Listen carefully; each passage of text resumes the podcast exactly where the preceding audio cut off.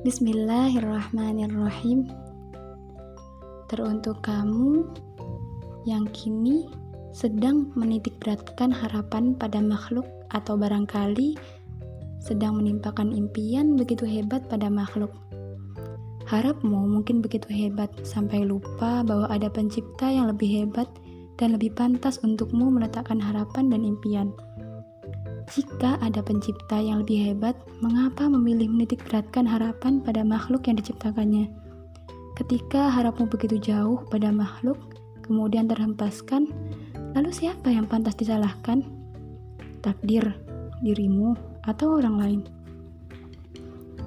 Butuh jeda untuk memberi ruang dan menepikkan segala hal dalam pikiran yang terengah berantakan, menyingkirkan segala hal yang tak patut dibiarkan berlarut-larut mengistirahatkan sejenak agar dapat ditata kembali untuk siap memperjuangkan hal-hal yang pantas diperjuangkan.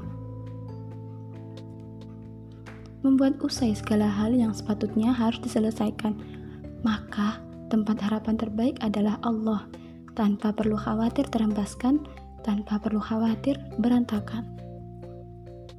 Masih mau berharap pada makhluk?